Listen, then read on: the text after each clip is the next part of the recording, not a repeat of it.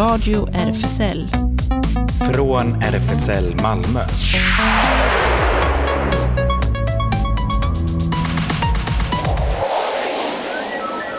Välkommen till Radio RFSL, Riksförbundet för homosexuellas, bisexuellas, transpersoners, intersexpersoners och queeras rättigheter. Här sitter jag, Ellen, bakom teknikbordet och inne i studion. Hej Claes! Hej hej Ellen! Och vi har en gäst också, nämligen Anna Burston. Välkommen! Tack så jättemycket! Du har många titlar, men den titel du är här för är författare. Precis. Mm.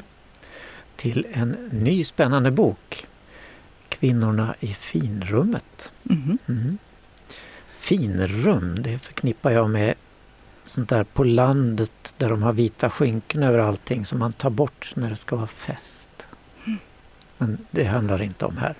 Nej, det här är mer en metafor för Ja. det inre finrummet. Yes. Mm. Ja, Bra, vi återkommer till det. ja och eh, vi kommer ju komma med fler sommarscentips. Eh, och Ja, även, Äntligen kört igång nu. Precis. sommarscen. spännande, var du på Jag var på både konserten MSO och eh, föreställningen på Möllevångstorget igår. Ja. I söndags. Mm. Spännande. Och så har vi eh, en del nyheter och det händer också. Men eh, vi kan ju ta och gunga igång med en låt tillägnad Malmös sommarväder. Här kommer Break My Heart in Two med Ancient Astronauts.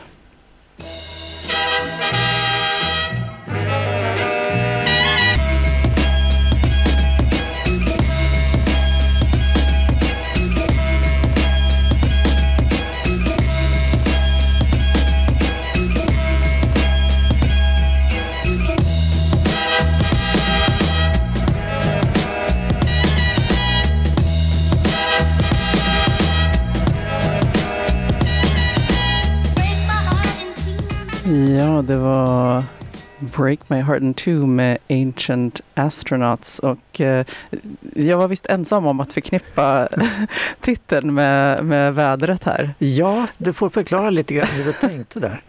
Ja, nej, jag tänkte på det här med att det, vädret kan vara lite opolitligt. Eh, sådär. Så att eh, man på sommaren, man, och särskilt eh, på sommarscen och, och picknick och allt sånt, man kanske räknar med att det ska vara fint och sen så rätt vad det är så får man det här typiska störtregnet som det kan bli på sommaren. Och då är hjärtat brutet. Ja.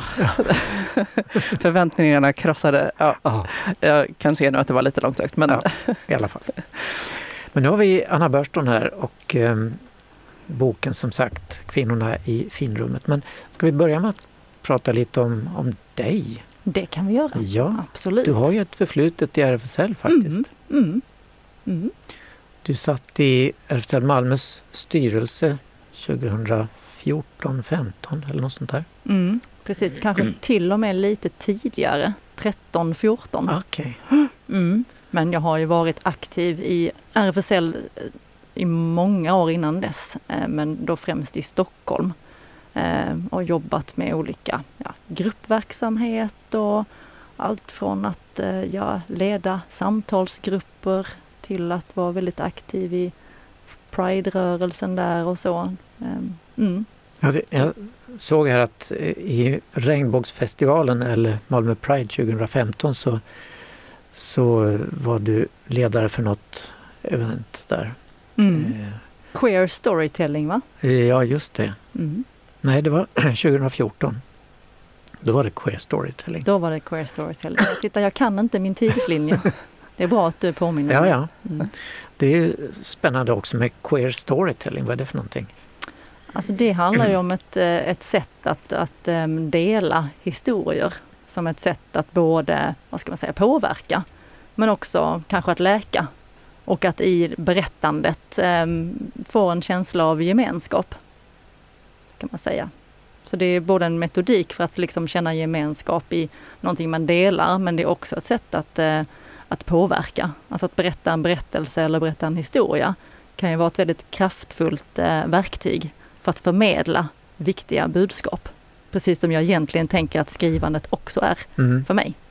Ja, det är ju sen urminnes tider, Mm, det där muntliga tradition och sånt där. precis. Mm. Ja, spännande. Och den tillämpar du i princip då med ditt författarskap? Alltså på något sätt blir det ändå lite på samma sätt. Eh, därför att den här boken, den är inte bara en bok utan den vill ju gärna vara en röst i att förmedla några viktiga budskap och det budskapet också om hur det är att vara människa i den här tiden som vi lever i. Faktiskt. Mm. Du har också varit aktuell i rättsliga sammanhang om man Mm. säger så. Mm. Du har stämt Malmö stad Mm. och staten. Ja, Ja. och ja, anledningen till det kan du kort beskriva? Ja, det var ju ehm, utifrån att eh, föräldralagstiftningen ehm, eh, har ju sedan länge varit diskriminerande mot hbtq-personer. Eh, så att när jag och min fru fick vårt första barn så insåg vi att nej, hon kommer inte automatiskt bli förälder till vårt gemensamma barn. Och då inledde ju vi en process därför att vi såg ju att lagstiftningen, om man hade applicerat exakt samma lagstiftning på ett heterosexuellt par så hade mannen då blivit automatisk förälder. Eftersom din fru är från England. Mm. Mm.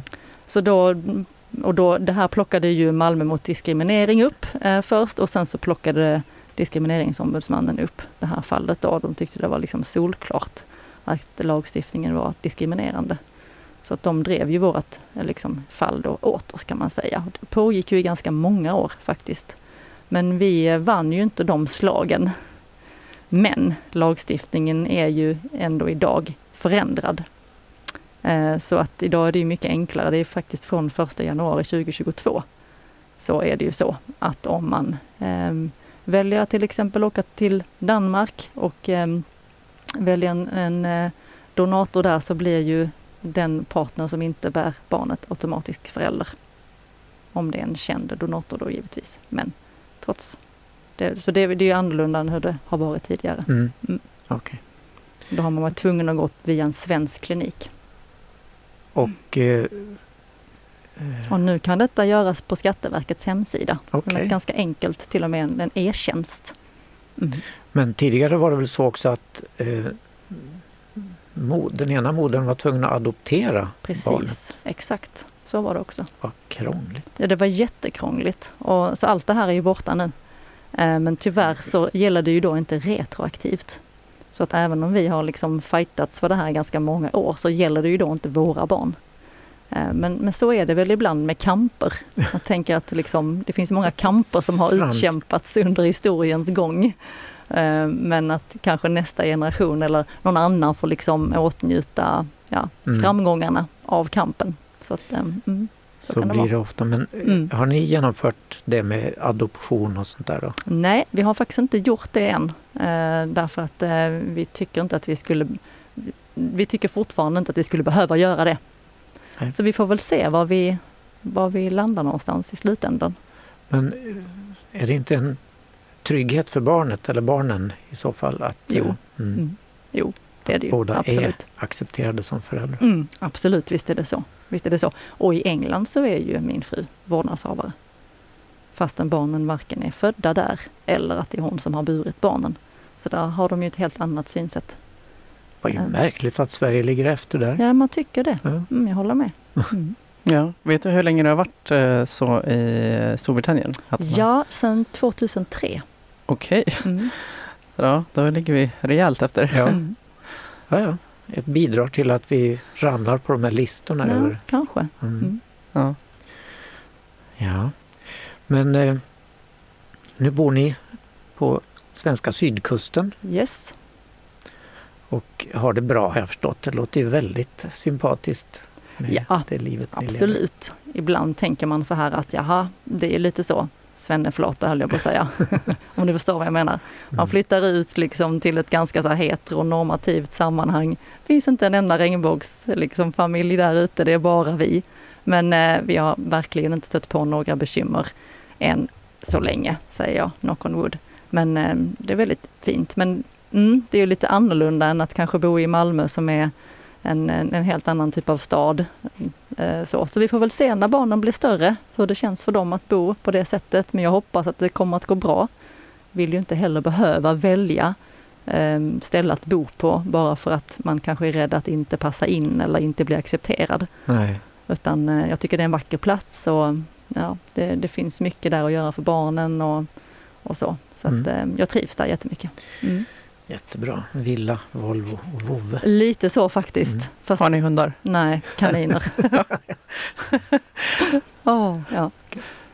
Ja men kul. Mm. Eh, och det är ju inte så himla långt. Avstånden här i Skåne är Nej. rätt små. Nej, precis. Det går bra. Ja, Så om man bor i typ London så hade det varit centralt. Nästan. precis. Då är det här liksom ingenting. Nej. Vadå, tre mil? Mm. Ja. Ska vi höra på en av de låtar du har valt? Ja, Vilken blir det? Eh, Du har valt den första är Dream of Independence med Frida Hyvonen. Vill du säga något om den? alltså jag tycker den är så fin. För jag tycker den tar upp ganska mycket temat också som finns i boken.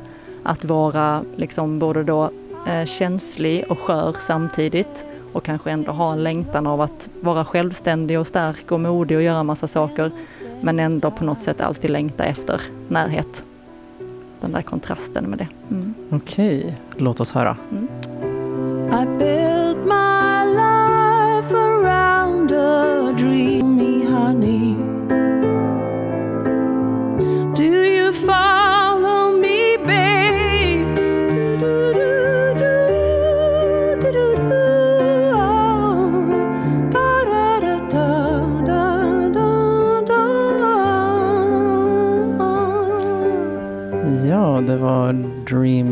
Independence med Frida Hyvonen. Välkommen tillbaka. Ja, och den för oss raka vägen in till boken tyckte jag. Det var väldigt bra val av låt Mm. till detta. Eh, kvinnorna i finrummet som just har kommit ut på Tallbergs förlag. Precis, för några veckor sedan. Mm. Och den är ju en bok om begreppet kärlek och inbillade begränsningar eller så. Mm. Eh, huvudpersonen Jenny, hon har ett mycket varierande liv måste man säga. Går från det ena till det andra. Eh, med väldigt mycket funderingar kring kärlek och livet och alla de olika kvinnor hon möter. Mm. Eh, hon är ju en sökare, skriver då. Hon är inte en sökare utan en njutare. Det är, hur mycket av Jenny ligger i dig? Eller hur mycket av dig ligger i Jenny? Mm, ganska mycket såklart när man skriver en sån här bok. Eller jag har ju svårt att koppla, koppla loss mig själv utifrån de funderingar och de, ja, men den mer existentiella resa som Jenny går igenom. Det är klart att den är min. Eh, sen är det ju en annan sak hur man paketerar det i det som händer och eh, personer och omgivningar och så. Det är ju liksom något annat.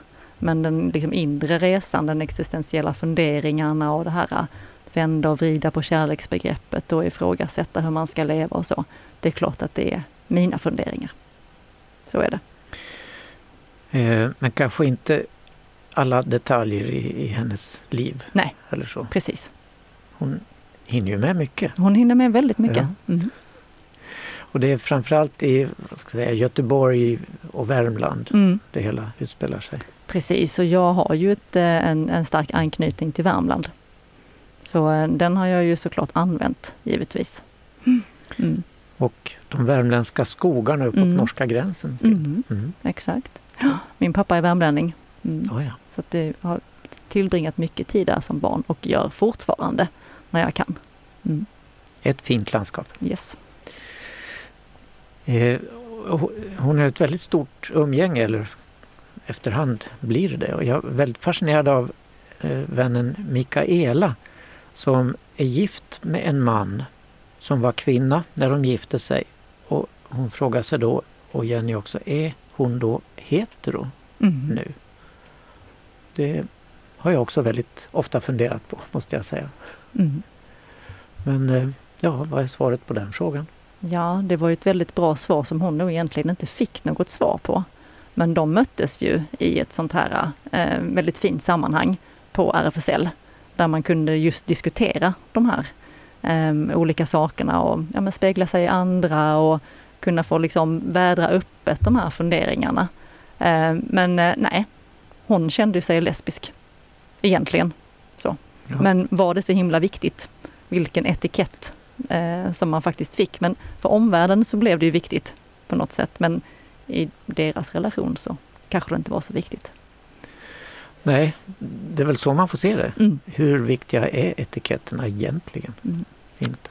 Nej, och det är väl det som den här boken också försöker liksom ut... Alltså det är väl det som är lite det ambivalenta för Jenny, att å ena sidan förstå att det är viktigt med möter liksom separatistiska liksom egna rum där man kan känna sig trygg och där krävs ju kanske då viss, ett visst mått av etiketterande för att liksom få tillhöra det där rummet. Men å andra sidan då liksom inte vilja ha några etiketter eller vilja att eh, liksom vara som, ja, men vara som alla andra, att det inte ska spela någon roll och sådär. Och de där två är lite motstridiga, alltså de går ju inte alltid riktigt ihop. Eh, så så att det, det där håller hon, hon kämpar lite med det. Eh, att liksom vilja få ihop de här världarna, för hon inser ju också att om alla ska liksom vara i sina separatistiska rum, då kan det bli så att vi inte möts som människor. Och då kan ju fördomar och avstånd ehm, till varandra bli ännu större. Och det vill hon ju absolut inte. Så ja, den är, den är lite svårknäckt den nöten. Ja, den är det. Mm. Aktivister vill ha rummen Mm. och etiketterna kanske. Ja, och sen det finns ju en stor trygghet i det också, när man Mm. är i sitt utforskande Mm. och kanske liksom känner att, att man behöver finnas i ett, i ett rum där man kan liksom lastas av den här minoritetsstressen av att eh, men det finns ingen här i det här rummet som, som liksom, ja, har någon tanke eller tittar snett eller vad det nu kan vara. Eh, bara att kunna slappna av och vara helt, helt sig själv. Det är ju en väldigt viktig del för att kunna också vara i det här utforskandet, vem man är och identitet och sexualitet och så. så man ska absolut inte underskatta det. Det är, jätte, det är jätteviktigt och bra att det finns. Vi har ju diskuterat det tidigare, Mm, Ellen, mm, det här att du och dina väninnor vill slippa den manliga blicken när ni går ut. Kanske vara mer separatistiska. Ja, precis. Det, det är ju en uh, viktig aspekt av det. Uh, och uh, ja, att jag har ju befunnit mig just i, i separatistiska rum av den anledning som har varit sköna att liksom bara kunna pusta ut i. Liksom för att de, de har varit ja, eh, välkomnande av alla utom cismän. Liksom. Framförallt heterosismännen är eh, vars blickar eh, skönt, att- kan vara skönt att slippa ibland. Eh, eh, samtidigt som jag, jag känner ju såklart igen det här som du säger eh, Anna, att eh, ja, man, man vill ju också, om man ska liksom åstadkomma någon förändring i samhället så, så på något sätt bygger det på att man gör det tillsammans med andra Eh, och då delvis kanske eh, en del som har privilegier man själv saknar och, och så. Men mm. Ja men precis, och det är därför också jag vill försöka liksom förmedla någon slags mer allmänmänsklig eh, ska man säga, att känsla eller att många kan känna igen sig fast man inte är liksom en hbtq-person. Och det är det jag vill också försöka liksom lansera boken lite så att den ska gärna inte hamna i något fack för jag vill ju också prata till de som är just de som kanske inte skulle läsa en, en, en sån bok bara för nej men jag är väl inte lesbisk eller jag är väl inte någon hbtq-person. Nej men du är en människa som kanske har upplevt liksom eh, eller haft tankar om relationer eller om kärleksbegreppet eller så. Det är minst lika relevant. Eh, så att det är också sådär att jaha, vad betyder det? Att det är liksom en, eh, en ja, inte, hbtq-bok eller en heterobok. Vad är det för någonting egentligen?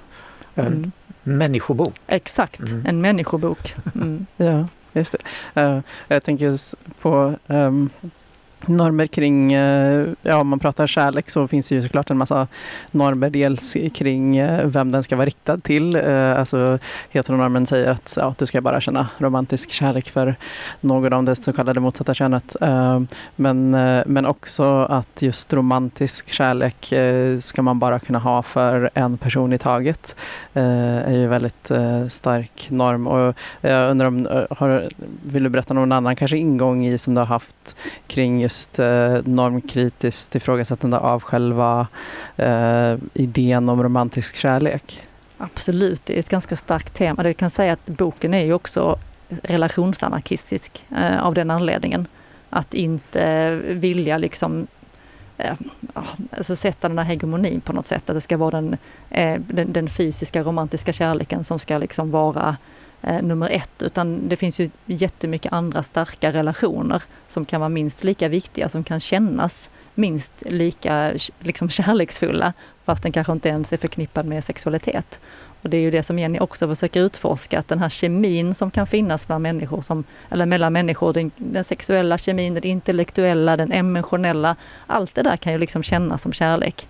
Eh, men på något sätt så blir det att man måste boxa in de här liksom starka kärlekskänslorna i någon slags heteronormativ kärleksmall eh, när det känns mycket i grunden. Och stämmer det inte överens med den där mallen så blir man alldeles nervös och skakig och liksom får identitetskriser och så. Istället Mm. för att liksom bara njuta av det som, som kan komma till en. Det är Ja. därför. Att, att, och associera till det du sa, njutare. Att försöka vara, liksom, vara, vara tacksam för de där de starka relationerna istället för att bli, bli nervös av att det inte passar in någonstans. Ja, just det. Och huruvida man får ha de Precis. känslorna om de är felplacerade. Exakt. Eh, just det, jag Mm. tänker på, eh, du använde ordet relationsanarki Mm. och eh, ehm, motsatsen då, relationshierarki, finns det ju väldigt starka föreställningar om även vad det gäller att man, ja, man förväntas ju, förutom det här då, att man bara kan ha en um, romantisk, romantiskt intresse för en person i taget, så att man också ska, ska rangordna, liksom parrelationen ska placeras eh, högre upp än vänskapsrelationen och så. Eh, och det kanske du har, eh, har varit en ingång Mm. Nej men absolut, det är också en stark ingång. Det var faktiskt så att min redaktör, hon undrade om det inte skulle stå så här, kvinnorna i finrummet, en relationsanarkistisk roman. Så det var ju Ja. liksom hennes så rekommendation. Ja. Men jag gjorde inte det. För jag tänkte att ja, men jag, håller, jag håller med, man skulle absolut kunna skriva det. Mm. Men samtidigt så vill jag heller inte liksom skrämma bort de jag kanske egentligen vill nå. Alltså de som är tveksamma, de som är lite ni förstår vad jag menar, att man kan riskera att redan i titeln liksom smalna av Mm. sig en smula. lite öppet. Lite öppet och så Mm. blir det en glad överraskning Ja. om man känner igen sig i de här mer relationsanarkistiska eh, vad ska man säga, funderingarna och liksom temana som finns i boken. Mm. Jag tycker också det är väldigt fint med den här eh, umgänget över åldersgränserna Mm. i, i boken. Mm. Jenny är ju flexibel. Mm. Absolut. Mm. Mm. Och den har hon det, det är ju jag också. Mm. Det är ju liksom direkt som, så som jag lever, Ja. givetvis. Mm. Nuet är en present, tycker jag är en sån bra mening Mm. i boken. Mm. Liksom en svalkande likgiltighet fastnade jag också för. Mm. Och det är ju Henry Parland. Mm. Ja, just Mm. det. Det är en väldigt fin dikt faktiskt. Men den kan man ha med sig. Speciellt om man är en sån här, liksom, ja, relationsnarkoman höll jag på att säga. Eller att man blir väldigt känslomässigt klänger. påverkad av, eh, av ja, både människor och yttre intryck och inre intryck. Att eh, liksom lite så, lite svalkande likgiltighet. Det kan vara bra. Det låter väldigt brittiskt också. Det gör det kanske. Ja, men han, jag vet, jag kommer inte ihåg var han är ifrån nu, han Henry Parland. Um, om han är britt eller vad han är, kommer inte ihåg. Eh, det enda lite kritiska jag har till boken är att det är väldigt långa stycken. Mm. Jag saknar den här lite ans- avsatsen man får ibland. Ah, där var stycket slut. Nu kan vi börja på nästa stycke. Mm. Intressant feedback. Mm. Men annars är den fantastisk. Jag tyckte väldigt mycket om den. Tack så jättemycket. Mm. Mm. vad roligt att höra. Så vi kan rekommendera Kvinnorna i finrummet av Anna Börston på Tallbergs förlag. Yes. Du valde en låt till. Mm. Det gjorde jag. Mm. Patti Smith, People have the power. Yes, we do. Här kommer den. Tack så mycket.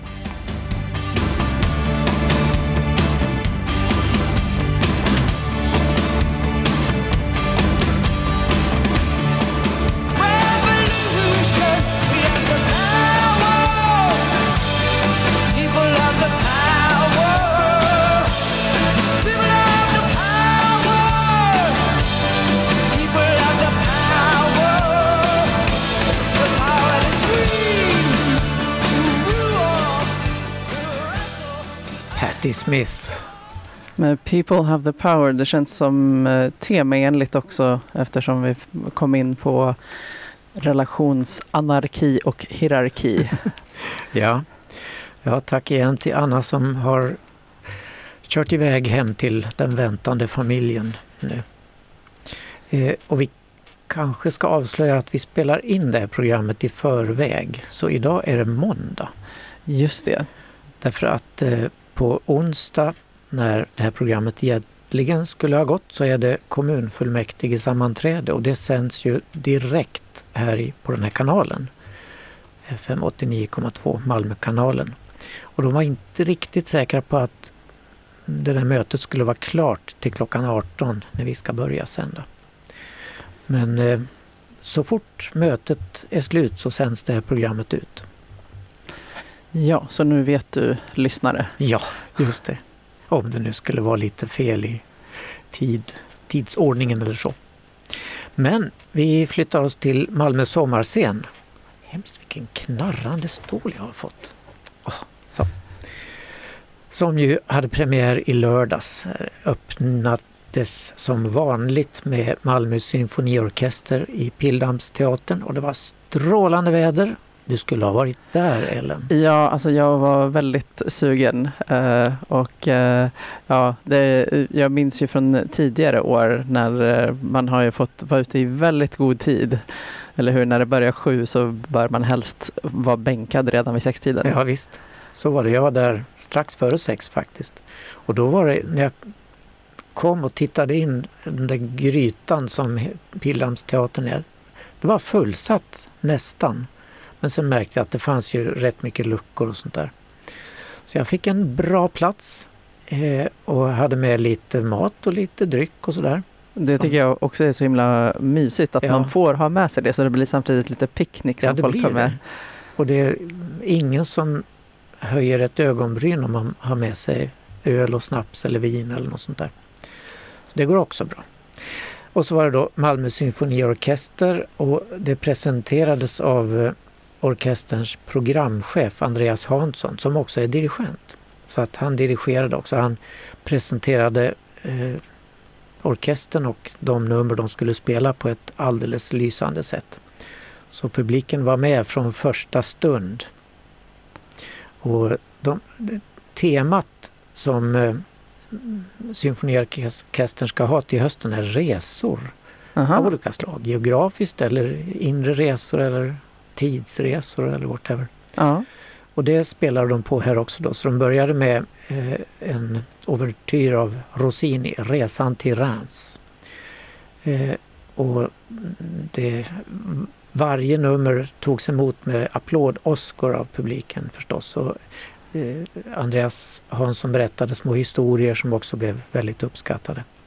Sen förflyttade vi oss till Prag med Mozarts Pragsymfoni.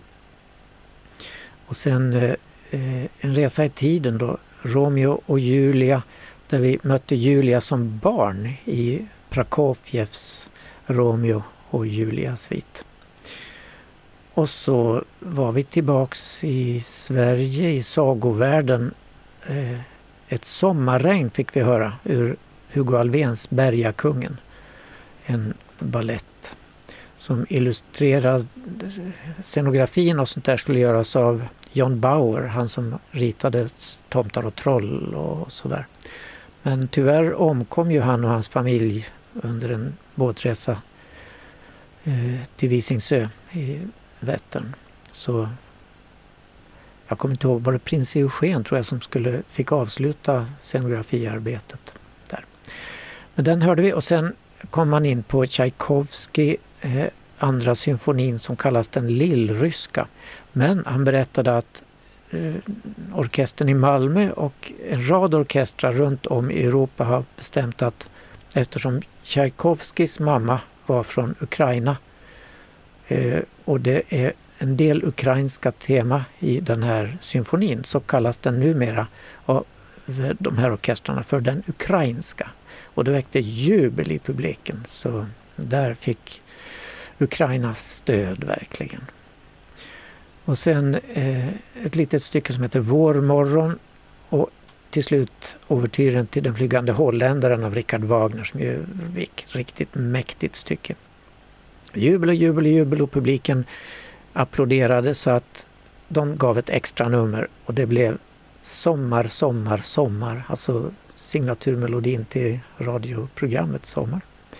Och det var en lämplig avslutning. Ja, det tycker jag också är så fantastiskt när man är på en sån konsert där alla är så engagerade och uppskattade att eh, orkestern eller bandet får, får spela ett extra Ja, nummer. det. som, publiken vill inte släppa dem. Nej, utan- nej, nej. Mer, mer, mer. Ja, Det kunde vi inte göra eh, i söndags på Möllevångstorget när Malmö Operan visade sitt senaste verk i den här serien Opera på lastbil där de kör runt. De hade premiär redan i början av månaden uppe i Helsingborg på H55.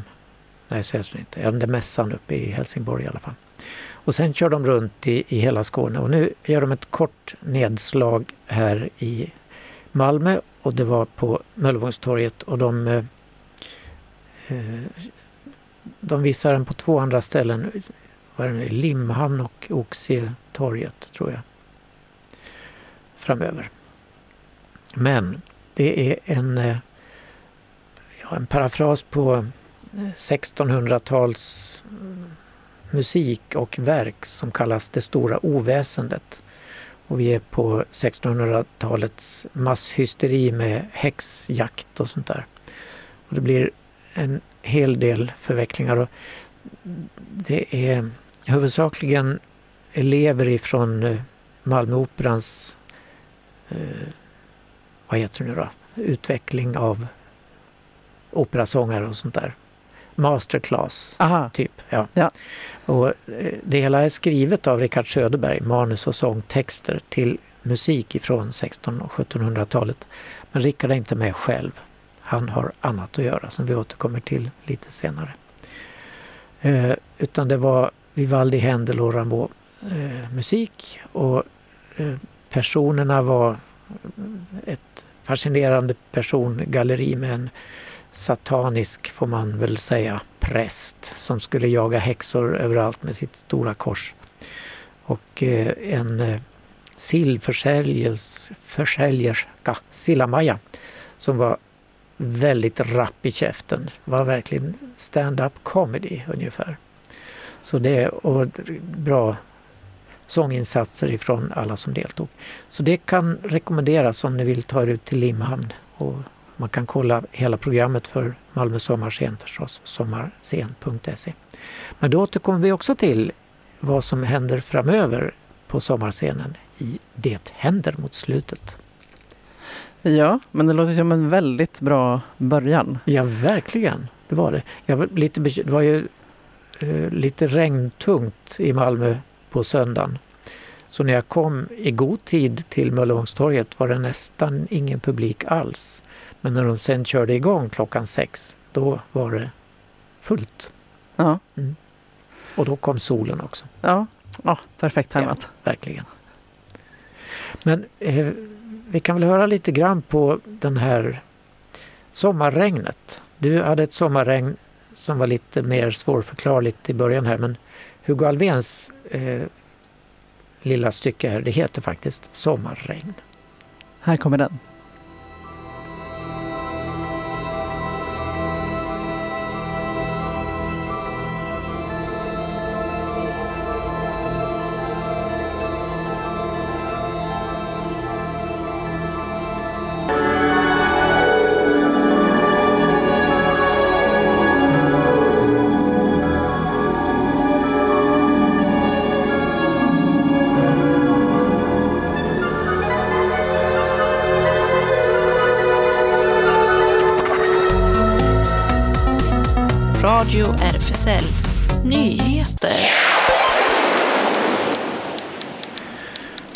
Ja, vi börjar i Sverige. Liberalerna släppte i fredags under West Pride i Göteborg en rapport om statusen för hbtqi-rättigheter i Europa. Den visar att läget är värre än man skulle kunna tro. Europa står inför en brytningstid, säger Liberalernas partiledare Johan Persson till QX. HBTQI-rättigheterna i framförallt östra Europa går bakåt med raska steg, konstateras i rapporten som heter Orosanmälan befogad. Här rankas Sverige på en nionde plats ur regnbågsperspektiv. Lägre ner än i årets rankning från ILGA Europe där Sverige hamnade på en sjätte plats. Mest akut för Sverige är enligt rapporten att kriminalisera omvändelseförsök. Inför att Sverige vid årsskiftet tar över ordförandeskapet i EU är det viktigt att vi städar framför egen dörr och exempelvis får till ett förbud mot omvändelseförsök. Vi är glada för att de fått ett ökat parlamentariskt stöd genom att Moderaterna nu har anslutit sig till det. Att försöka omvända hbtqi-personer är häxkonster som måste få ett slut, säger Liberalernas partiledare Johan Persson till QX och får medhåll av HBT-liberalernas förbundsordförande Carl-Otto Engberg. Rapporten pekar på flera punkter där de anser att Sveriges lagstiftning inte håller måttet ur ett regnbågsperspektiv men poängterar att vi sammantaget ligger skapligt till i alla fall, särskilt i jämförelse med länder i Östeuropa. Mänskliga rättigheter, respekt för minoriteter och hbtqi-personer är något man eh, har med bara för att det är trevligt. är inte något som man har med bara för att det är trevligt. Det är viktigt på riktigt och vi måste fortsätta att driva det här. Jag vill att vi eh, får ett ökat fokus på den här kampen med vårt ordförandeskap i vår, framhåller Johan Persson. Och man kan läsa mer om den här rapporten på qx.se. Litauiska biskopar uppmanar politikerna i parlamentet att rösta emot en föreslagen samkönad partnerskapslagstiftning och citerar påven Franciscus för att framhäva att sådana lagar kan underminera begreppet äktenskap och familj, rapporterar Reuters. Litauens parlament röstade förra månaden för att godkänna vidare diskussioner om ett utkast till lagförslag om eh, legalisering av samkönade partnerskap. Ett liknande lagförslag röstades ner i maj 2021. I ett kyrkligt brev till de troende citerade den litauiska biskopskonferensen ett uttalande från påven Franciscus 2016 som sa att citat varken borgerliga eller samkönade äktenskap kan likställas med verkliga äktenskap. Slutcitat. Därför kan vi inte stödja detta lagförslag som förvränger och nedvärderar begreppet äktenskap och familj, skrev biskoparna. Men biskoparna undvek att nämna påvens uppmärksammade uttalande från 2020 att homosexuella borde ges möjlighet att förenas i ett äktenskapsliknande partnerskap. En opinionsundersökning från april 2021 visade att 70 procent av vuxna litauer motsätter sig samkönade partnerskap. Tre fjärdedelar av Litauens 2,8 miljoner invånare identifierar sig som romersk-katolska och flera Flera parlamentariker kallade homosexualitet för en synd under debatten inför omröstningen om att ta upp lagförslaget för vidare behandling. Och en svensk ort som på sätt och vis verkar kunna mäta sig med Östeuropa är Ljusdal. Där tycks inte så mycket ha hänt på hbtq-fronten sedan kommunen i en RFSL-granskning 2015 hamnade på en vanhedrande 270 plats av 289 granskade kommuner. QX berättar nu om eh, kommunens tafatta försök att ta itu med homofobin i byn. Ljusdal ligger ju några mil in i landet från Hudiksvall och var 2021 en del av Järvsö Pride. Men prideflaggorna i byn revs ner utan att kommunen reagerade, vilket fick den centerpartistiske kommunpolitikern William Wåhlberg att reagera. Jag var frustrerad över att någon hade varit runt i kommunen och rivit ner massa prideflaggor under Pride och att inga nya sattes upp av kommunen. Det kändes som att man bara gav upp som att det här var inte viktigt. Jag la en motion där jag ställde krav på att kommunen skulle verka för att sprida information om hbtqi-frågor, säger Wåhlberg till QX. Det ledde till att Niklas Larsson Tiensu, socialantropologistudent från Uppsala, fick en praktikplats i kommunen för att kartlägga arbetet med hbtqi-frågor eh, att det utvecklats sedan 2015? Svaret blev att ingen utveckling alls hade skett och att kunskapen om dessa frågor var nästan ofattbart liten bland de folkvalda i kommunledningen.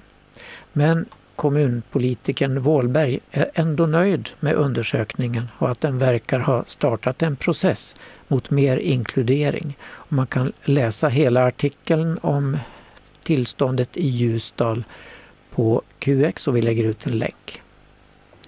En dragqueen stagostund för barn på ett bibliotek i norra Kalifornien förra helgen avbröts brutalt av högerextrema. Eh, männen beskrevs som mycket hotfulla, skrev amerikansk polis i ett pressmeddelande. Drag Queen Story Hour är ett populärt koncept där en drag queen läser sagor för barn. Här i Malmö representeras ju konceptet av Lady Busty och Miss Shameless. Vid ett sådant event i ett bibliotek i San Lorenzo, en bit utanför San Francisco, förra lördagen stormade plötsligt fem extremt aggressiva män in mitt i välkomstsången. Männen kopplas till högerextrema Proud Boys, högljudda anhängare till Trump. Männen bar t-shirts med texten “Döda din lokala pedofil” och bilder på automatvapen, rapporterar Buzzfeed. Biblioteket har den här månaden Pride och kärlekstema och berättade för Buzz, Buzzfeed att sex barn hade kommit till eventet tillsammans med sina föräldrar. Säkerhetspersonal es eskorterade snabbt ut drag queen Panda Dolce och deltagarna. Det här är inte första gången som Dolces sagostunder stormas och sannolikt inte sista heller. Men hon tänker inte låta sig skrämmas och sluta, som, sluta med Drag Queen Story Hour. Jag kan inte beskriva blicken i ett queert barns ögon när de tittar på en. Det här är som att deras identitet för första gången erkänns. Barn förtjänar events och förebilder som på riktigt reflekterar vår mångfacetterade värld. Tusentals Singaporebor klädda i rosa samlades i lördags i en park och krävde erkännande av hbtq-rättigheter, den första manifestationen av det här slaget sedan 2019 och sedan coronarestriktionerna lättades, berättar Bangkok Post. Även om stadsstaten Singapore är välmående och utvecklad förblir sociala attityder konservativa och sex mellan män är fortfarande olagligt även om den här lagen, som är en rest från den brittiska kolonialtiden, inte aktivt tillämpas. Singapores Pink Dot Rally för hbtq-rättigheter startade 2009 och har sedan dess regelbundet dragit stor publik trots motreaktioner från konservativt håll. Efter att manifestationen bara hållits online under pandemin var intresset stort i lördags när rallyt återvände till en central park. Den enda platsen i stadsstaten där protester är tillåtna utan polistillstånd. Arrangörerna gav inga uppgifter om publikens storlek men en AFP-reporter uppskattade att flera tusen deltog. Kritiker säger att Singapores långsamma framsteg när det gäller hbtq-rättigheter står i bjärt kontrast till de framsteg som gjorts i andra delar av Asien som Taiwan och Indien. Chris Chandler som varit verksamhetsledare på Inkonst sedan januari 2020 har nu slutat. Det berättade hon själv för Sydsvenskan i fredags men ville inte motivera. Jag kan bekräfta att Chris har sagt upp sig. Vi ser fram emot att söka en ny verksamhetsledare till hösten och hoppas på många sökande, sa Inkonsts styrelseordförande Victoria Persovic Gutierrez till Sydsvenskan. Styrelseledamoten Paul Kraus blir tillförordnad verksamhetsledare på Inkonst. Och mellan den 1 och 10 juli spelas den nyskrivna operetten Askungen på Ystad teater. Och Kammaropera Syd har i år fått till en mäktig uppställning. Vi ser Nina Pressing som Askungen och Rickard Söderberg som styvmodern. Och i andra roller syns etablerade stjärnor som Kaspar Engdahl och Vivian Holmberg. Så här beskriver Operettsällskapet föreställningen. Askungen, en sagooperett för vuxna. I denna operettfars står den mest ikoniska av alla sagoprinsessor, Askungen, i centrum. Runt henne kretsar styvsystrar, prinsar, feer och skor i glas. Och vad händer när både Bell, Törnrosa och Snövit också dyker upp på balen? I rollen som Askungen ser vi musikalsuccén Nina Pressing och Styvmamman gestaltas av Rickard Söderberg. I övriga roller ses och hörs gräddan av svenska operasångare, en ensemble som saknar motstycke på svenska operahus idag, skriver man. Det storslagna musiken från senare delen av operetthistorien fylld av örhängen och som senare blivit kända som musikal och jazzstandards hör vi också. Och som alltid framförs från ett fullsatt orkesterdike. Och Rickard Söderberg står för både manus och spelar med i föreställningen. QX ringde upp och frågade Hallå Rickard, är du, att du är styvmamman låter som en våt dröm. Och han svarade att eftersom jag skrivit det hela själv har jag kunnat påverka rollen i den riktning jag vill. Och det är fantastiskt, svarar han. Vad som också är fantastiskt men samtidigt skrämmande är att jag för första gången på 30 år ska raka av mig skägget. Vi får väl se, vi ska se föreställningen eh, så vi recenserar den i vår sändning den 6 juli. Och om ni kommer ihåg Disney-filmen Askungen, Cinderella, så fanns det en låt som lät så här.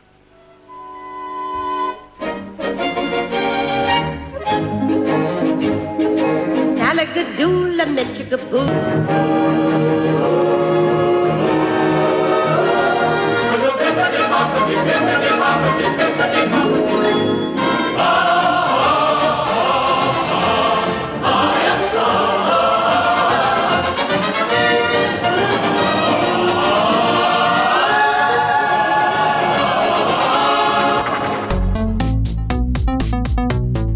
Radio RFSL. Det händer. Och det händer mycket som vanligt. Kanske inte jättemycket på RFSL-lokalen som finns på Stora Nygatan 18, men det är mycket på stan med Sommarscen Malmö. Eh, men som sagt, RFSL Stora Nygatan 18 och sociala medier kan berätta vad som sker. Facebook, Insta och Twitter till exempel och hemsidan malmo.rfsl.se. Öppet café på torsdagar 13 till 16 och Space Malmö som träffas eh, på lördagar eh, eller varannan lördag klockan 13 i lokalen. Under Pride träffas de nu inte så ofta. Nästa träff blir 2 juli. Ja, och eh, Queer Kids träffas onsdagar 10 till tre- eh, 10.30 till 13. Välkomna på öppen förskola för queera familjer, säger de. Och eh, säsongsslut blir det för BIPAN nätverksträffen. Den sista eh, blir söndag den 18 september klockan 15. Eh, och vi har också Newcomer som fortsätter med sin kaféverksamhet på fredagar 15 till 19. Och seniorevenemangen verkar inte vara så ofta förekommande nu eh, av olika skäl. Men vill man hänga med och få veckomail som kommer med oregelbundna mellanrum så hör man av sig till senior malmo.rfsl.se. Habitat Q, ungdomshänget, fortsätter måndagar och torsdagar 17 till 20. Man kan hålla sig uppdaterad via deras Facebook-sida eller på Insta. Där är det snabela habitat understreck Q och DMa för att veta var man träffas. Och SLM Malmö håller till på Sallerupsvägen 30, en medlemsklubb bara för män. De har pub på tisdagar 20 till 24, dörren stänger 22. Lördagar är det klubb som är öppen 22 till 02, men där stängs dörren vid midnatt. Ja, och så har vi ju eh, Malmö sommarscen. Um, flera punkter. Uh, idag den 22 klockan 19, oj då får man skynda sig. Uh, Dilan och Moa bjuder, uh, bjuder dem in till ett helt improviserad humorföreställning på Fil Pildammsteatern. Kom och upplev hur en föreställning uppstår på plats, hur du kan påverka den. Och imorgon torsdag klockan 19 också Pildammsteatern är det Cullbergbaletten The Listeners. Och det är första gången Cullberg besöker Malmö sommarscen och gör de det med en koreografi av Alma Söderberg som är född och uppvuxen i Malmö. Det är en modern dansföreställning med stark publikkontakt. Och Skånes dansteater är på turné på Malmö Samhällsmuseum också eh, med sin Don't Kiss. En av sommarens mest originella dansupplevelser skapad av koreograf Fabio Liberti. Eh, den skildrar det känsliga och komplexa ämnet mänskliga relationer om att vara beroende av en annan person. Vårt behov av känslomässig och fysisk kontakt. Don't Kiss Skånes är kärlek, jämlikhet och mänskliga motsägelser i hela sin härligt komplicerad storhet. Och, och då är det på Beiers, Beijers park 29 juni klockan 19. Och det fortsätter sen också. Hammars park 30 klockan 19 och Emporias tak den 16 juli. Och de, Skånes dansteater har en föreställning till som är på turné, Wild Fellas. Eh, en utomhusföreställning skapad av koreografen Erika Silgoner. Och den äger rum på Limhamnsbiblioteket den 5 juli och Vänskapsparken Rosengård den 7 juli, Limhamn Sommargatan 9 juli. Mm.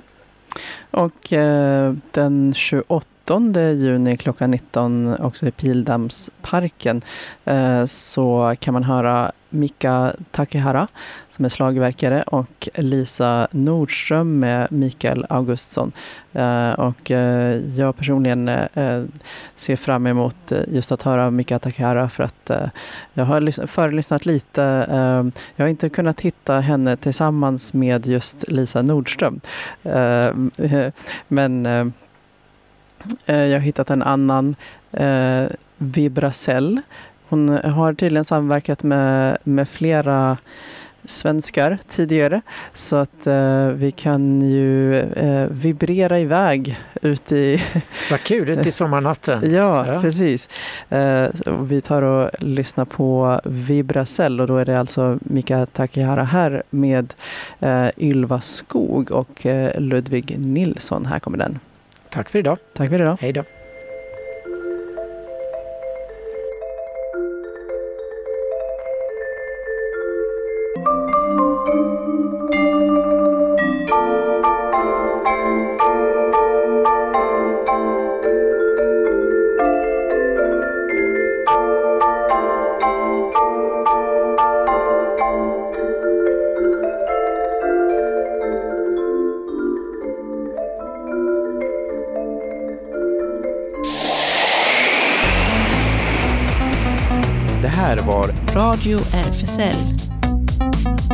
Från RFSL Malmö.